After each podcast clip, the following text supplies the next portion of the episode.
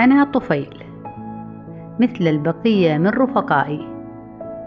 نبحث عن حياة أفضل في البيئة المناسبة لنا سواء في الإنسان أو غيره من الكائنات.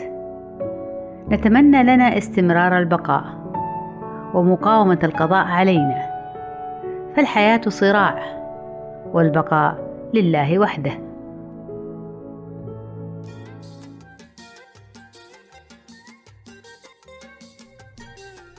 كنت يرقة نشيطة. نمت حتى خرجت من بيضة صغيرة. ألقي بها وهي في مقتبل العمر في مزرعة مجاورة لمنزل رجل مسن. لم أكن لأفرط في كل ما حولي من مزايا بيئية كي أبلغ تمام نضوجي داخل قشرة البيضية. فقد استظليت في مكان رطب ظليل كي يتم فقسي بهدوء. ومن ثم خروجي في ذلك الوسط المناسب لإكمال جميع مراحل حياتي ولله الحمد.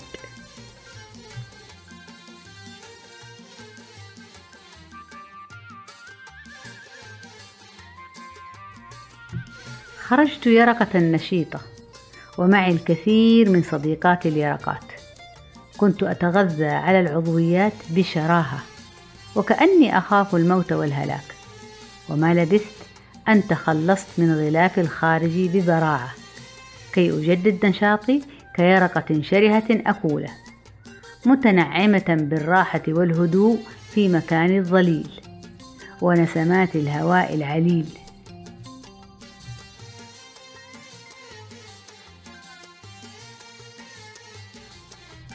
بعدها أحسست بشيء من الملل أصابني.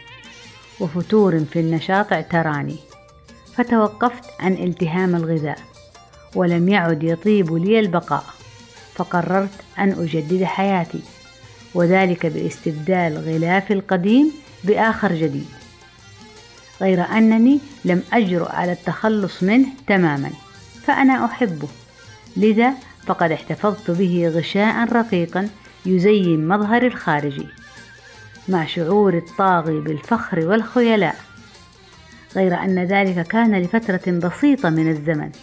لكوني فقدت غشائي رغما عني وعندها لم يعد باستطاعة الاستمرار في التربة الرطبة وقررت أن أنحى منحى جديد في حياتي.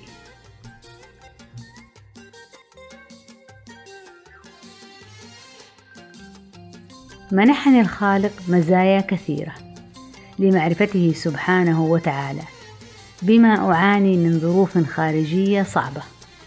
فقد حباني خاصية التوجه لمناطق الحرارة الأعلى ذات الضوء الأكثر نافرة دوما للسطح هاربة من قاع التربة باحثة عن ذلك الإنسان المجهول الذي يمشي حافيا كي أنجح في اختراق جلده بسرعة فائقة.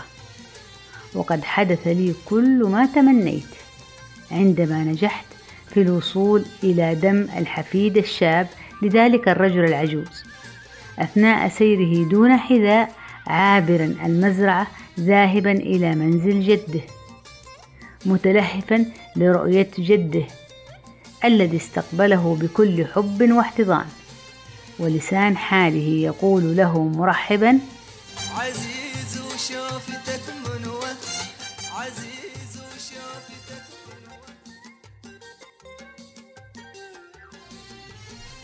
عاد الحفيد إلى والديه في مدينته حيث استقر بي المقام في الجزء العلوي من أمعائه الدقيقة بعد أن غامرت في رحلة دموية إلى القلب ثم الرئتين ومنها إلى الجهاز الهضمي.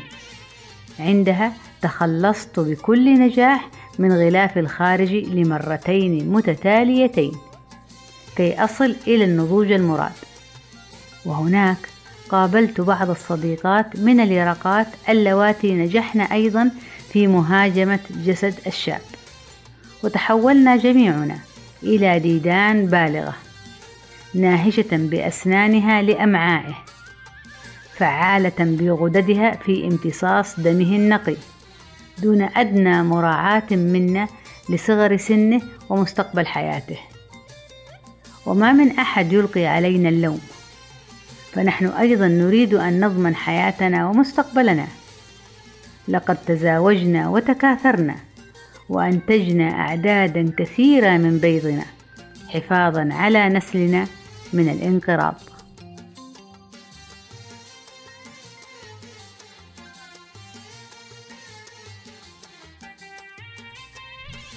أصبح الشاب جلدا على عظم يعاني من سعال مصحوبا بدم وفقر دم شديد مع اضطرابات معوية وإسهال. أصبح منهكا غير قادر على بذل أي مجهود يعاني من الإرهاق والإعياء. ونحن لازلنا نمارس نشاطنا دون توقف أو عناء.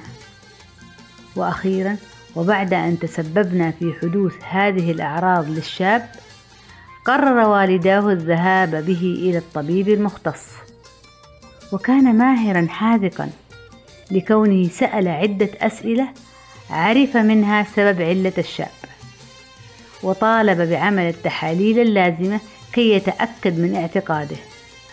نعم لقد رأى بيضنا ظاهرا جليا. وبعدها منح الدواء المناسب للشاب. ونحن في قمة غضبنا لعلمنا بمصيرنا المؤكد. لقد قضى علينا. نعم لقد قضى علينا بحنكته ومهارته. وتم طردنا خارج جسم الشاب. ولحسن حظنا ولله الحمد فقد رمى بنا في يوم سعيد في ذات المزرعة التي كنا فيها. عندها عاد لنا الأمل من جديد وتستمر الحياة.